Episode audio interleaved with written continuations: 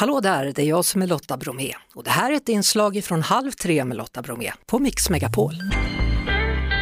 Välkommen till Halv tre med Lotta Bromé, Lisa Ajax. Tack så mycket. Hur mår du? Jag mår jättebra. Hur mycket har du saknat dansen sen Let's Dance? Oj. Eh, ja, men man saknar det ju faktiskt väldigt mycket. Och så pass mycket att jag kommer ju börja på någon slags dans till hösten har jag tänkt. Vilken typ? Jag vet inte. men jag och min kompis har pratat, men gud nu låter det här jättekonstigt, men vi har pratat om pole dance. Men pole dance är ju väldigt ja. Det är ju alltså bålstyrka, att verkligen mm. så här, man ska vara stark. Eh, och jag vill verkligen, jag vill vara stark. Så att det känns som en väldigt, väldigt bra träningsform. Ja men jag har läst om det där, det är en bra träningsform. Ja. Det, det, är lätt att man associerar till andra saker men det funkar ju på det sätt som du säger verkligen, också. Ja. Verkligen. Eh, känner du att du behöver vara stark efter det som hände när du var med i The Island? Ja, men man märkte ju verkligen vad, vad kroppen behöver och, och hur svag den blir om den inte får sin sömn och mat och vatten. Och... För de som inte har sett programmet, berätta. Ja, alltså vi skulle ju överleva på en öde ö i två veckor. Och eh, vi, var ju, vi hade ju inga hjälpmedel överhuvudtaget. Vi hade tre machetes och typ tre knivar. Och eh, resten fick vi ju liksom hitta på ön. Så vatten, mat. Det var ju även om vi skulle fiska så fick vi hitta grejer på stranden. Det blåste upp väldigt mycket skräp. Eh, så det var ju tur för oss. Men ja, det var ju väldigt, väldigt extremt. Thomas Wassberg var med va? Mm. Han måste nästan varit eh, överlevnadsguden eller har jag fel?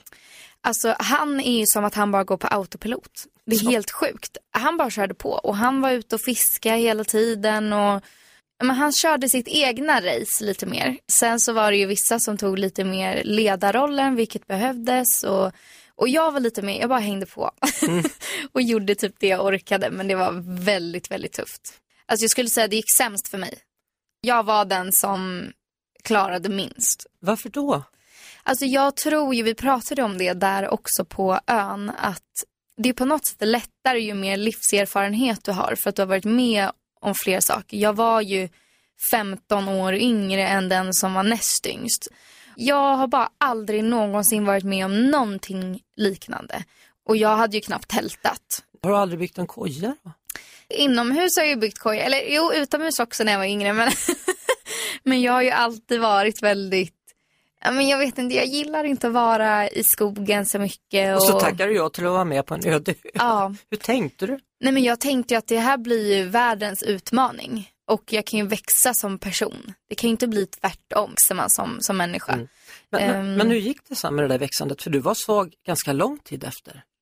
Ja, min kropp sa ju verkligen ifrån. Alltså det är lite, inte fortfarande att det är tydliga tecken på att det har hänt, men det liksom släpar efter lite. Mm. Att man gick ner extremt mycket i vikt och sen kom man hem och började äta. Det, det gick knappt att äta för magen var helt kaos. Och så gick man upp och så, ja det har varit svårt typ just så här med min självbild och hur kroppen har förändrats så himla fort att jag knappt har hängt med. Men det börjar ju liksom ge med sig. Mm, så poledansen kommer göra sitt? Exakt. Ja. Men, men den mentala biten, känner du att du växte där då? Att du klarar mer än vad du trodde? Ja, ja men absolut. Innan var det så här, jag kommer absolut inte ge upp. Och sen när jag var där så var det som att så här, men herregud, jag, jag tror inte jag klarar det här. Hjärnan är så extremt stark att den är ju stark åt det hållet att den kan vilja ge upp men också stark åt det hållet att den inte ger upp. Mm. Och det var ju där jag lyckades hitta att jag ska inte ge upp. Och jag hittade någon styrka också i att så här, jag vet att jag tänkte jag kan inte ringa min pojkvän tidigare än två veckor och säga att jag klarar inte. så det var som att så här, jag, jag gjorde det för, för hans skull nästan. Mm. Eh, men också för mig att, såklart. Men... Han ville väl att du skulle komma tillbaka i en del i alla fall?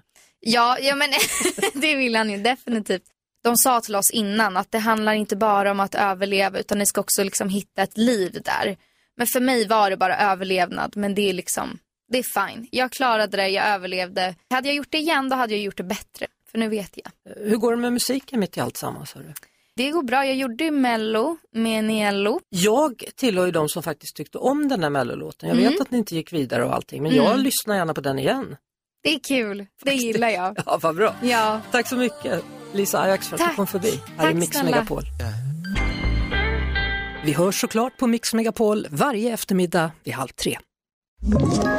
Ett poddtips från Podplay. I podden Något Kaiko garanterar östgötarna Brutti och jag, Davva, dig en stor dos skratt. Där följer jag pladask för köttätandet igen. Man är lite som en jävla vampyr. Man har fått lite blodsmak och då måste man ha mer. Udda spaningar, fängslande anekdoter och en och annan arg rant. Jag måste ha mitt kaffe på morgonen för annars är jag ingen trevlig människa. Då är du ingen trevlig människa, punkt. Något Kaiko, hör du på Podplay. Därför är gardinerna.